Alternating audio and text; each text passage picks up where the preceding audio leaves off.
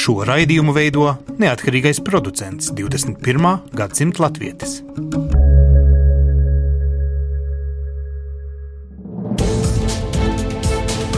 Septiņas dienas Eiropā piedāvā Eiropas radiotīkls Eironet.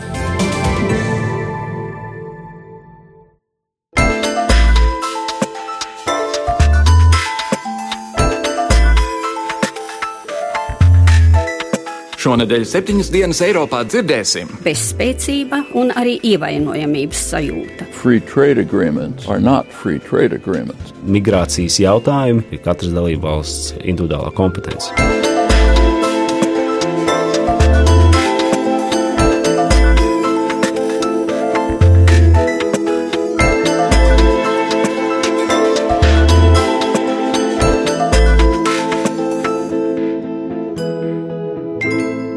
Labdien, godējamie klausītāji! Latvijas radio studijā Kārlis Streips sveicināti jaunākajā septiņas dienas Eiropā. Itālijas valdība ir apstiprinājusi 2017. gada budžetu ar plānotu deficītu pie 2,3% no IKP, kas galu galā pārsniedz 2% deficīta griestus, par kuru Itāļi iepriekš vienojās ar Briseli. Jautāts, vai Eiropas ekonomikas un finanšu lietu komisārs Moskavičī ir informēts par plānoto deficīta pieaugumu, Itālijas finanšu ministrs Padoāns atbildēja, ka Itālija ir vienīgā valsts, kas izmantojusi pati savus resursus, lai savaldītu migrācijas krīzi, tāpēc neliels elastīgums budžeta jautājumos būtu pieļaujams. To pat var uzskatīt kā Itālijas likumīgās tiesības atgūt to, ko tā ir iztērējusi krīzē, kas skār visu Eiropu tā ministrs. Tikmēr Itālijas premjerministrs pieprasa arī citu valstu solidaritāti un līdzatbildību risinot bēgļu krīzi. Viņš draud izmantot veto tiesības Eiropas Savienības budžeta sadalē, liedzot līdzekļus tām valstīm, kas atsakās palīdzēt atbrīvot Itālijas un Grieķijas nometnes no patvēruma meklētāju tūkstošiem, kas tur iestrēguši. Rodas jautājums, vai runa ir tikai par migrācijas krīzi vai par Itālijas naudas grūtībām? Tālāk šonadēļ raidījumā par to, vai piespiedu solidaritātes retorika ir labākais veids, kā cīnīties ar Eiropas Savienības trūkumiem, meklējot risinājumus kopīgajām problēmām, un vai piedāvātajos risinājumos valstis nevelk kopīgo deķīti katra savā virzienā. Vēl uzzināsim, kas ir šobrīd tik populārie brīvās tirdzniecības līgumi un kāds no tiem solās būt labums. Bet vispirms, kā Spānija bija gatava ļaut Krievijas kara kuģiem uzpildīt degvielu tās ostā, pirms NATO un citi atgādināja, ka kuģi taču ir ceļā bombardēt Alepo.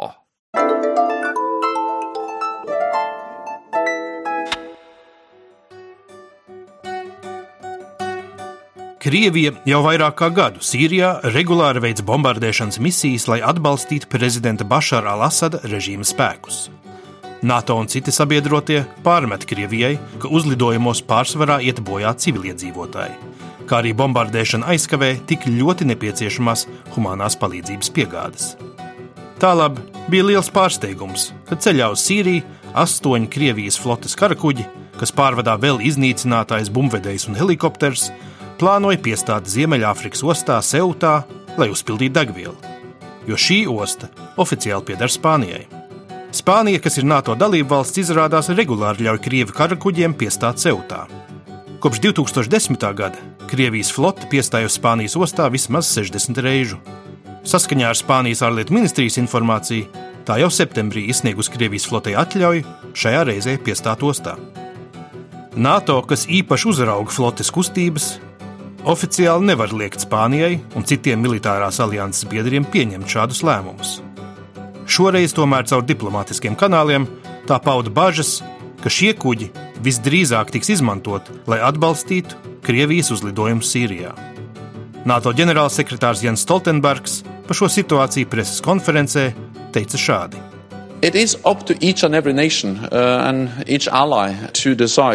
Tas ir atkarīgs no katras valsts un katras sabiedrotā. Lemt vai nodrošināt Krievijas kuģis ar degvielu. Tomēr mēs esam pamatoti norūpējušies par šo lidmašīnu bāzes kuģi iespējamo izmantošanu, lai uzbruktu civiliedzīvotājiem Alepo, tādējādi veicinot humanitāro katastrofu, kura jau tā norisinās Sīrijā. Tālāk pievēršam šim gadījumam īpašu uzmanību the humanitarian catastrophe we already see in Aleppo and in Syria. Spānijas un Krievijas amatpersonas pēcāk informējušas, ka Krievija atsaukusi lūgumu uzpildīt degvielu Spāņu ostā, Vēl pēc brīža Krievijas aizsardzības ministrija laidus klajā ziņu, ka tā vispār nav iesniegusi šādu lūgumu. Eiropas Savienības Brisele beidzot pielauza Valoniju un Beļģijas Briseli un panāca ilgi kaltās CETA brīvās tirdzniecības līguma ar Kanādu ratifikāciju. Tomēr pretestība pret brīvās tirdzniecības līgumiem un globalizāciju gadu gaitā ir tikai augusi. Daļa pilsoņu ir pārliecināti, ka šādi līgumi ir izdevīgi tikai lielajam biznesam un iedzīvotājiem nes tikai postu un iznīcību. Vairāk par to, kādus labumus mums sola no šiem privās tirdzniecības līgumiem, mana kolēģe Jāņa Kropas sižetā.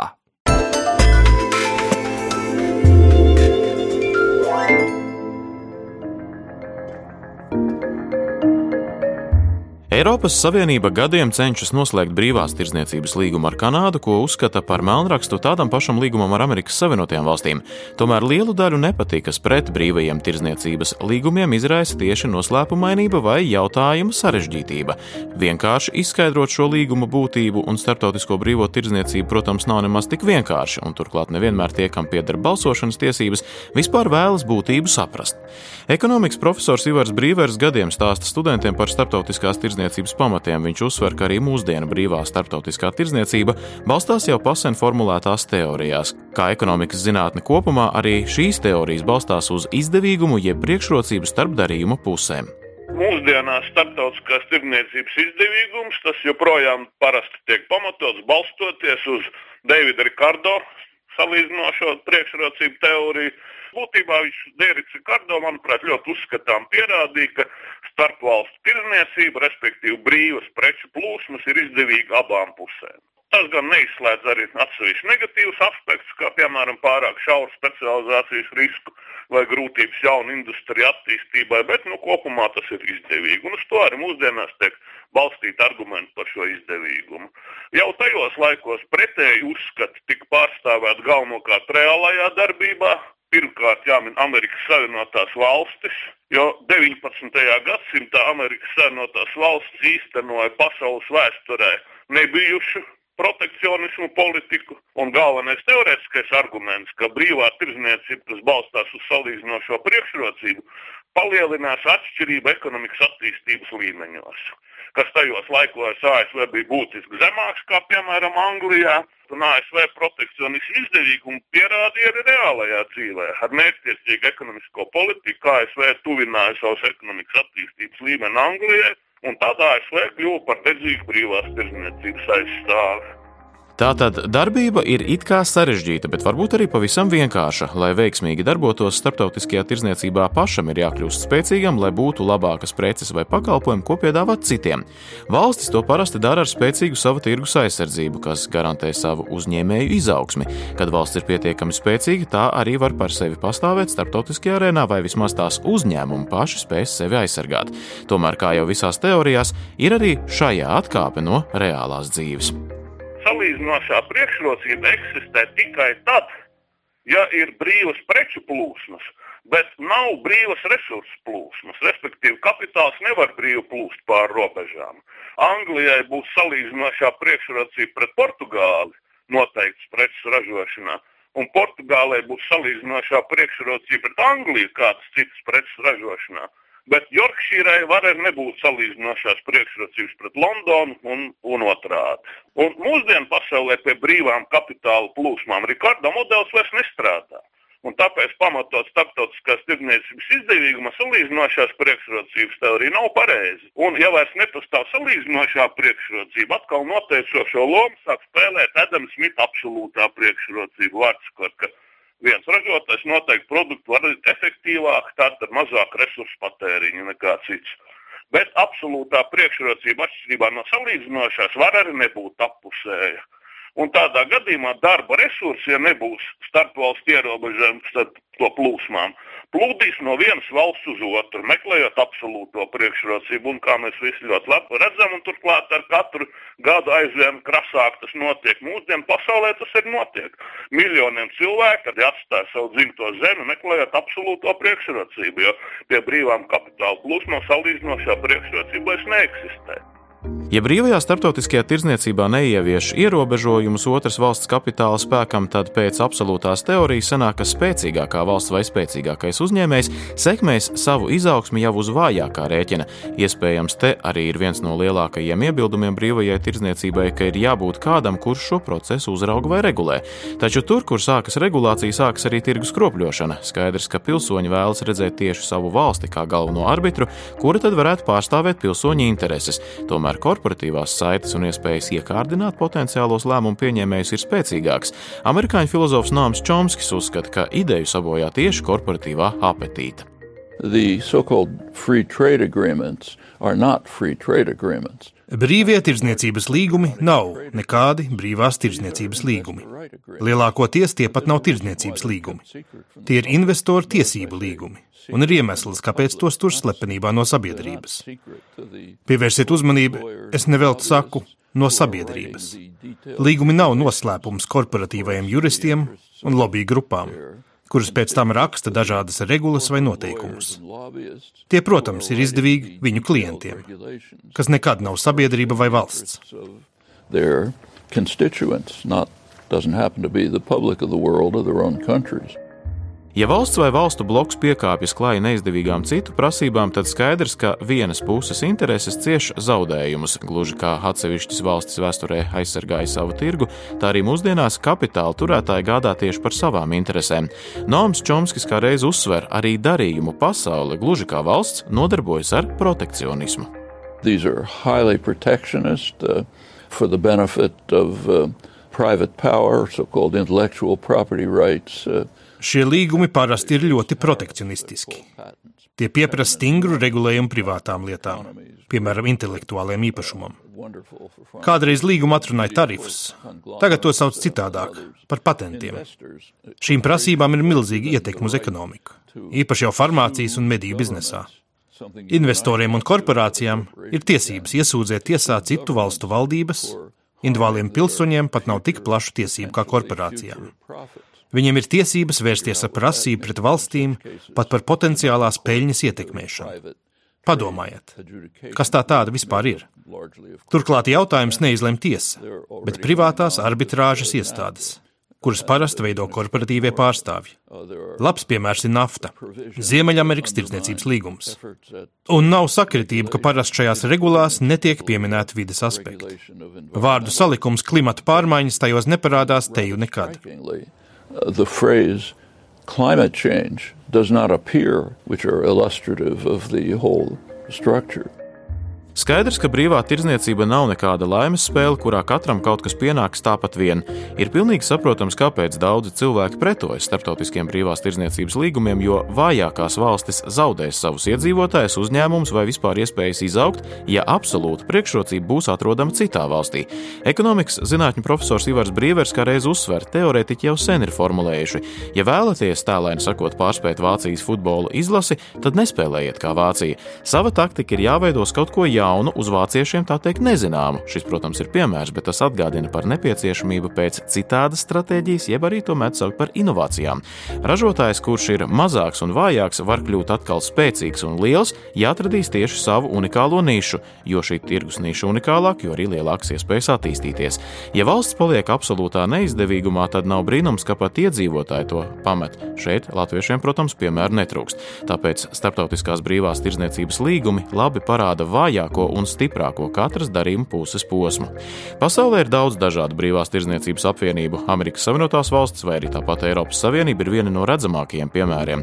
Arī Baltijas valstīm bija savs brīvās tirdzniecības līgums, lai sagatavotos Eiropas Savienības vienotajam tirgumam. Skaidrs ir arī tas, ka darījumos nevar izmantot emocionālus argumentus. Ja sēž pie galda ar biznesa haizivīm, tad vai nu pašiem jābūt plēsējiem, jeb arī jākļūst par plēsoņu supuri. Šāda kārtība nemainās pat, ja dzīvniecisko instinktu vietā sākam izmantot finansiāli materiālos. Tikko notikusi bēdīga slavenās džungļu nometnes evakuācija Kalē pilsētā Francijā. Šo stihiski uz dubļiem tapušo nometni cēla patvērumu meklētāji un migranti, kas iesprūduši pie robežas, gaidīja izdevību pārmukt pāri Lamanšam uz Lielbritāniju. Briti ilgi izlikās, ka tā nav viņu problēma, Franči ilgi aizbildinājās, ka gaidot, kā arī Briti uzņemsies atbildību. Itālijas premjerministrs Renzi savukārt raida pārmetumus Centrāla Eiropas valstu virzienā, draudot, ka Itālija izmantos veto tiesības Savienības budžeta sadalē, liedzot līdzekļus valstīm, kas nav gatavas solidāri uzņemties līdzatbildību par patvērumu meklētājiem. Šobrīd manāma nespēja uzņemties atbildību par Eiropas Savienības kopīgajām problēmām un pastāv krasi atšķirīgi redzējumi par problēmu risinājumiem.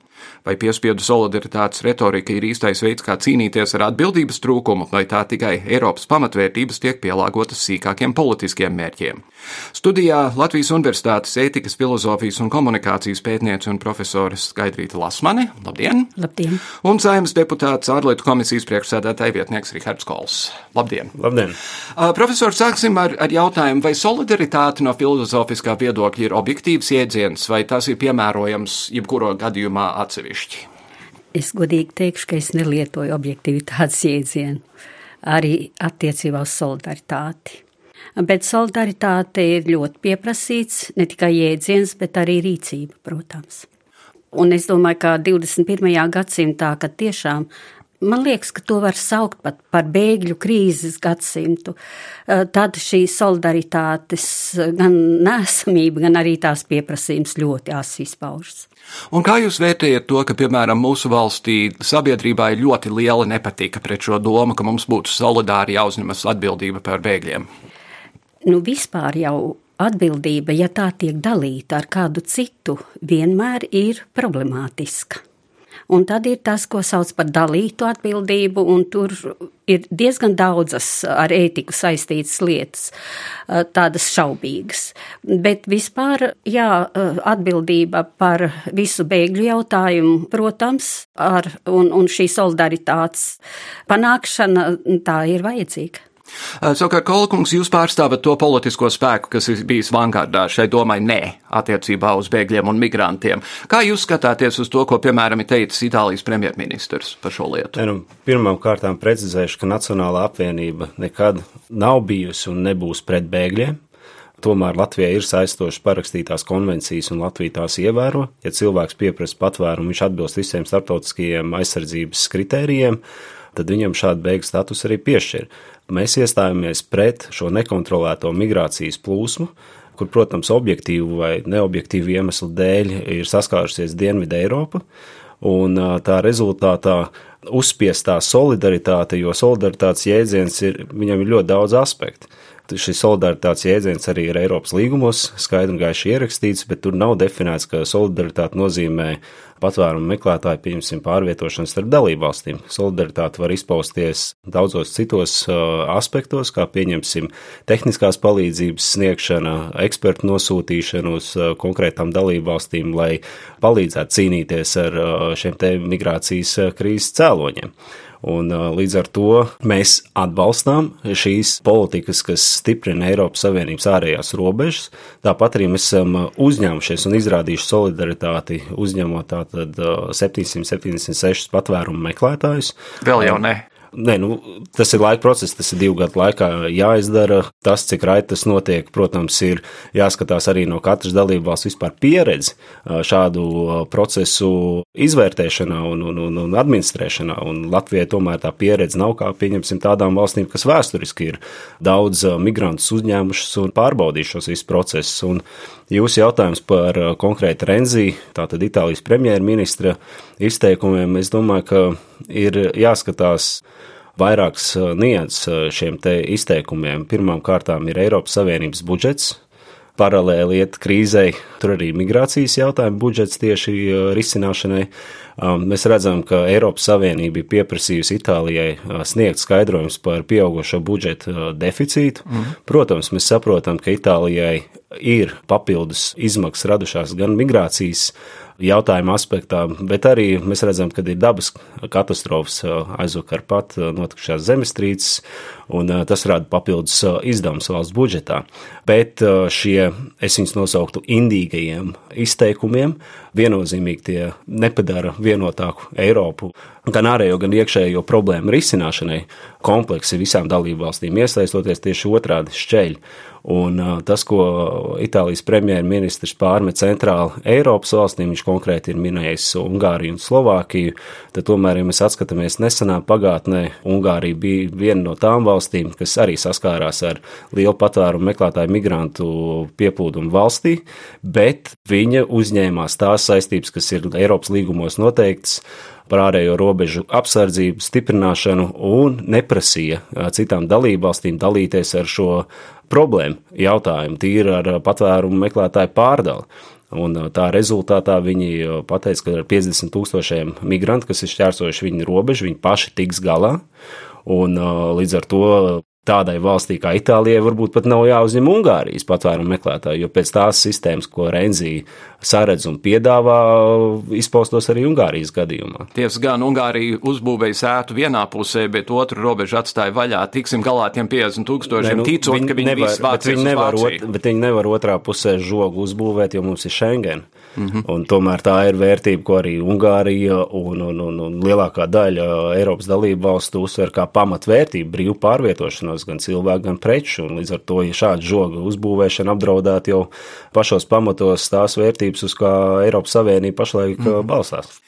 Lasmans kundze, vai, vai jūs piekrītat domai, ka mūsu valstī nav pieredze ar migrantiem, un ar to es domāju, lai arī, protams, padomju okupācija nebija migrācija klasiskajā izpratnē, tomēr 50 gadus te bija arī citi cilvēki, un kaut kā sabiedrība tika galā. Es vienmēr brīnos par to, ka šis apgalvojums izskan.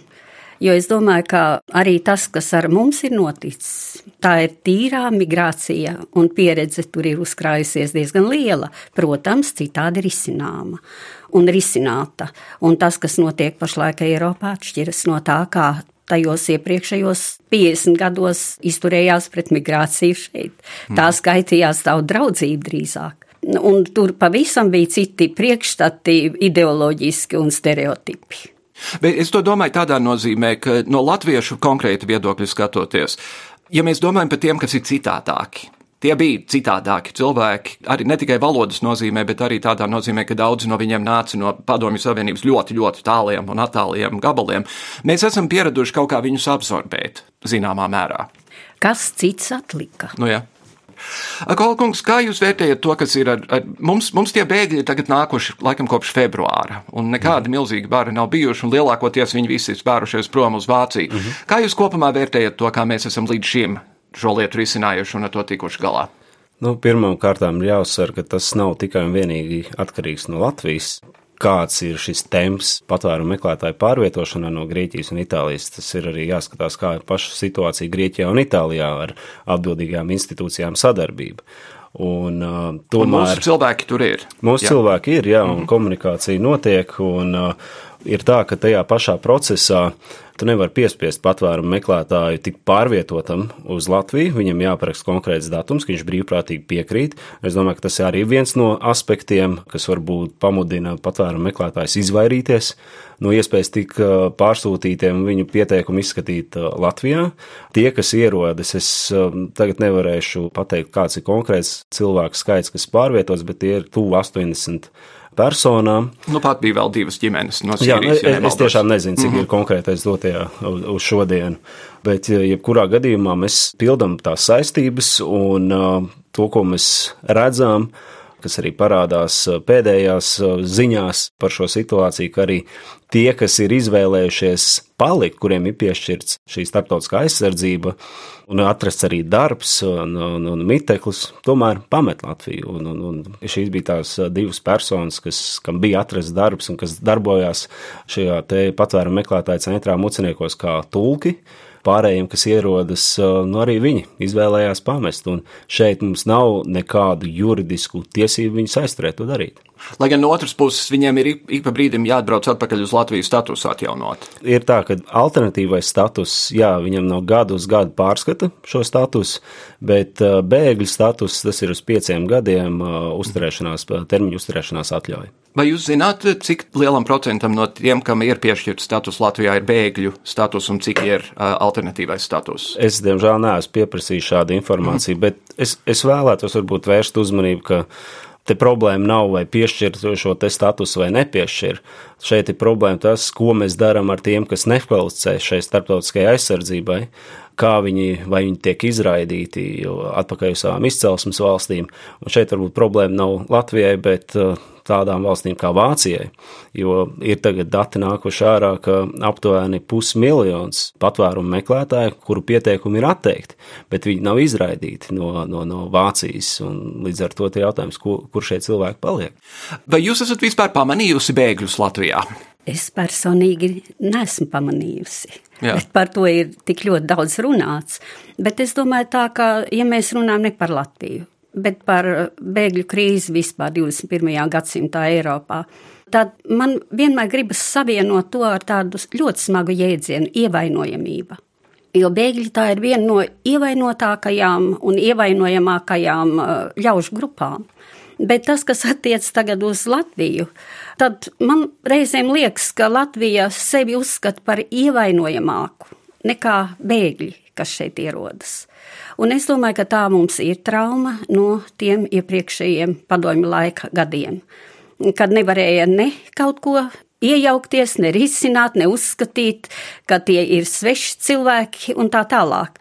Un tāpēc arī, ja jūs man jautājāt par to absorpciju, nu sauksim to kā gribāt, bet tā jau nevarēja notikt tā kā gribēja. Un es domāju, ka no turienes tad nāk arī šī te, nu, kā lai to saka, bezspēcība un arī ievainojamības sajūta. Un tad ir tas, kas traucē, lai uzņemtu šodien to, nu, jāsaka, Eiropas regulēto, kā nu regulēta, tā nu ir tā bēgļu lieta, lai to uzņemtu tiešām kā parādību, kas ir izcināma, kas ir solidāri risināma, mhm. ka tur cits izējas nav. Un vispār es uzskatu, ka jebkura krīze Tā ir ļoti sarežģīta lieta un ļoti nenoteikta lieta. Cik lielā mērā jūsuprāt, te lomu spēlē tomēr tas, ka tie ir cilvēki, kuriem ir diezgan pamatīgi citādas krāsas? Tie, kas nāk no Āfrikas, pavisam ļoti, bet arī tie, kas no tuvajiem austrumiem, neizskatās gluži kā mēs, latvieši. Nu, nav jau Latvijā cilvēki radināti pie citas ādas krāsas. Eiropa ir ļoti raiba. Un es domāju, ka Latvija arī ar, ar laiku vairāk vai mazāk būs raibāka. Bet nu, cilvēkam ir grūti pārorientēties, bet es neuzskatu, ka tas ir galvenais šķērslis. Kolkungs, cik lielā mērā jūsuprāt mūsu valsts ir gatava uzņemt tos, kuri tiešām te grib palikt? Un to es jautāju tādā kontekstā. Lasmans kundze atcerēsies, bija tāds Mārtiņš Kosovičs mums students, kas uh, tagad ir optikas veikala īpašnieks, un viņš ir nu pat dabūjis statusu uh, puisis no Etiopijas, ja nemaldos, Filmons, kurš grib te palikt, grib strādāt, grib mācīties. Un izrādās, ka mūsu valsts neatzīst viņa augstāko izglītību no Āfrikas, un viņam nav nekādu iespēju šeit studēt ja viņš nav gatavs maksāt tos tūkstošus eiro, ko maksā mūsu augstskolās mācīties? Nu, man būs grūti komentēt individuālu gadījumu. Bet uh, kopumā nu, es domāju, ka tas, ko es minēju iepriekš uh, par pašu bēgļu gatavību šeit integrēties un, un, un iesaistīties, ir zem jautājuma zīmes. Jo nu, no tām ģimenēm un no tiem cilvēkiem, kas tika pārvietoti un uh, šie statusi arī piešķirti, neviens nav palicis.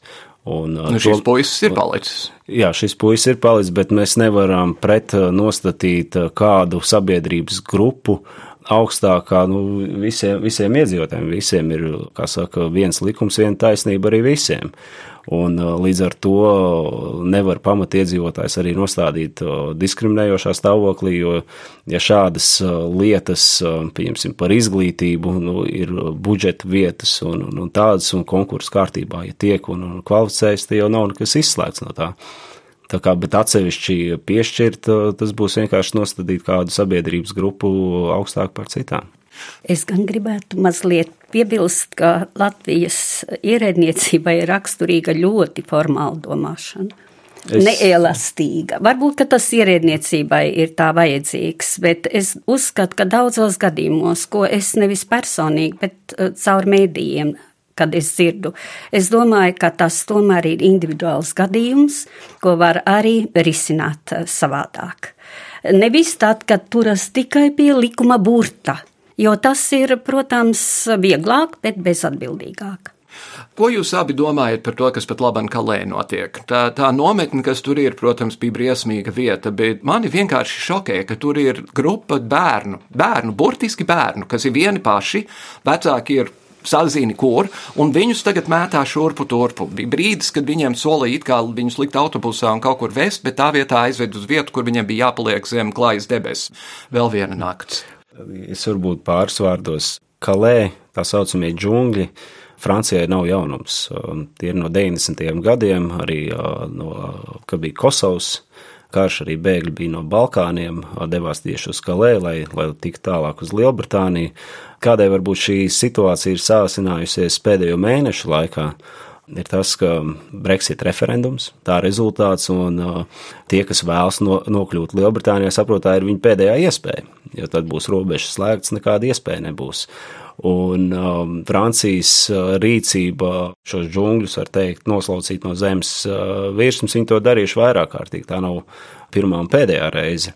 Jautājums, kā viņi tālāk rīkojas ar šiem cilvēkiem, jo tur ir ne tikai tie, kas ir bez dokumentiem vai personu identificējušiem dokumentiem, tur ir arī tādi, kas ir saņēmuši bēgļu statusu Francijā, kas arī var pretendēt uz pabalstiem, uz miteklu, uz darba vietu, bet viņi tomēr vēlas tajā Lielbritānijā nokļūt. Un Lielbritānija gan nav Schengenas zonā. Nē, bet tur jau tā lieta, ka viņi vēlas vienkārši nokļūt tur. Un, jo lielākā daļa kalē džungļu iemītnieku līdz šim bija diezgan liela daļa no bijušajām Lielbritānijas kolonijām, kas tomēr tā tad viņiem ir droši vien valodas zināšanas un, un, un kaut kāda cita arī saikne, varbūt arī radinieki dzīvo un tam līdzīgi. Par jūsu minēto gadījumu par bērniem, tomēr Eiropas Savienībā ir strikti noteikts, kā rīkoties ar patvērumu meklētājiem, kas ir nepilngadīgie. Un šāda rīcība, protams, nav pieņemama no Francijas, bet nu, migrācijas jautājumi, imigrācijas jautājumi tomēr ir katras dalībvalsts individuālā kompetence. Acīm redzot, Lasmanas kundze ne īpaši labi tiek kontrolēti šie, šie noteikumi par bērniem, ja mēs redzam to, kas tur notiek. Nu, es domāju, ka tur to milzīgo cilvēku masu tajās pāris dienās nu, jāsaka, norganizēja visus tos autobusus tā, lai tas viss tiktu atrisināts kaut kādā mērā tas nebija viegli. Un es nedomāju, ka tas bērnu jautājums ir speciāli tur sagatavots kaut kādu apsvērumu nelabvēlīgu dēļ. Es domāju, ka tas tīri organizatoriski tā ir gadījies ar, ar visu līdzjūtību pret tiem, nu, jāsaka, ievainojamiem mazajiem cilvēciņiem, kas tur palika. Bet vispār runājot par to kalē lietu, tad tur ir ļoti daudz aspekti, par kuriem mēs vienkārši nezinām.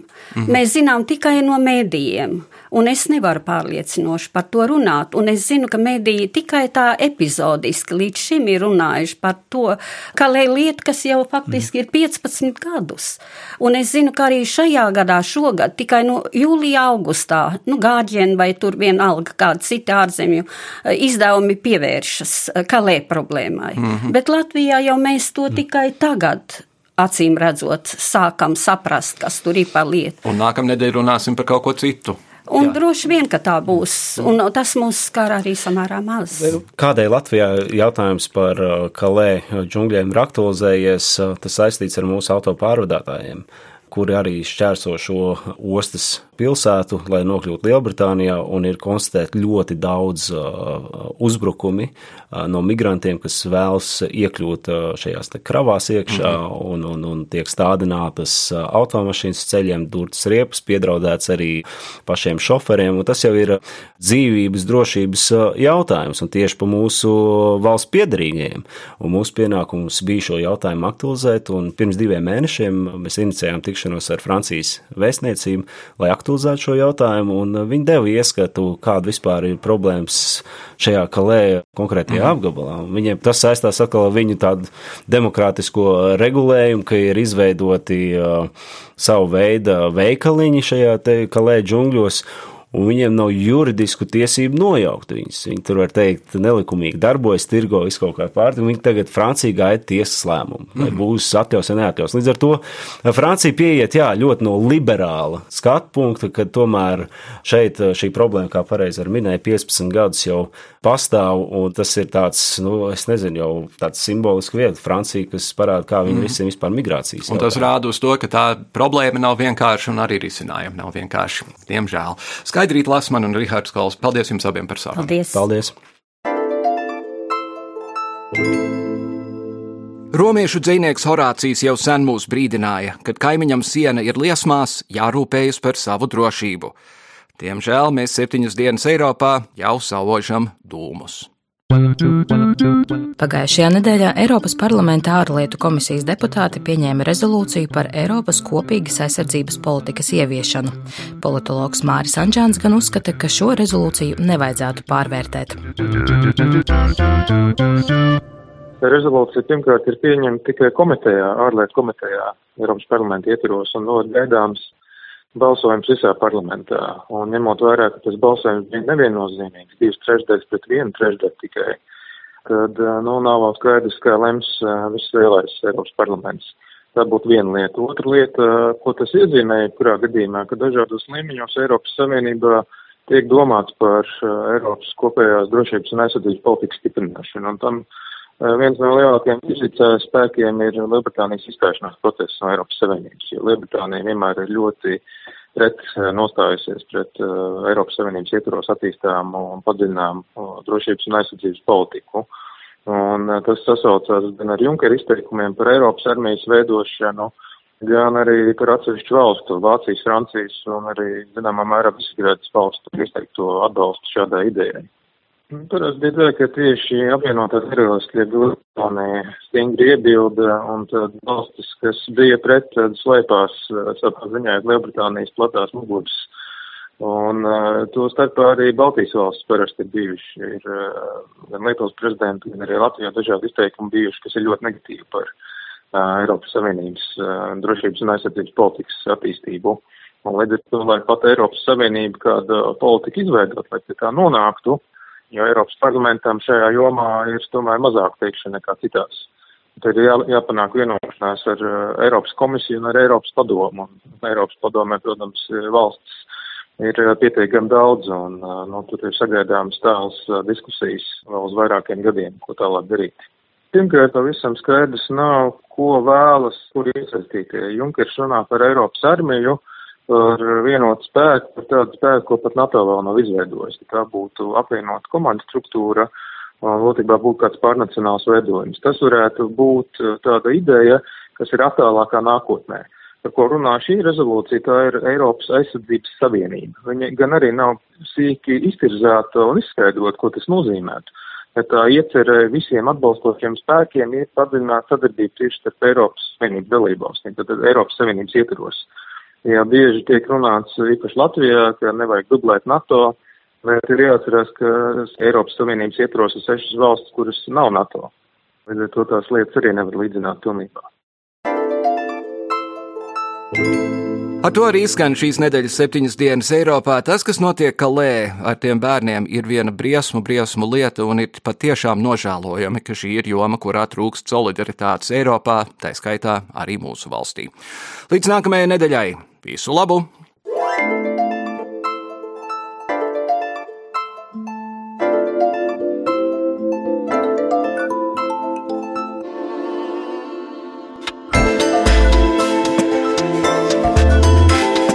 Raidījumu veido Kārlis Streips, Ieva Valēne un Jānis Krops. Raidījuma producents Lukas Rozītis.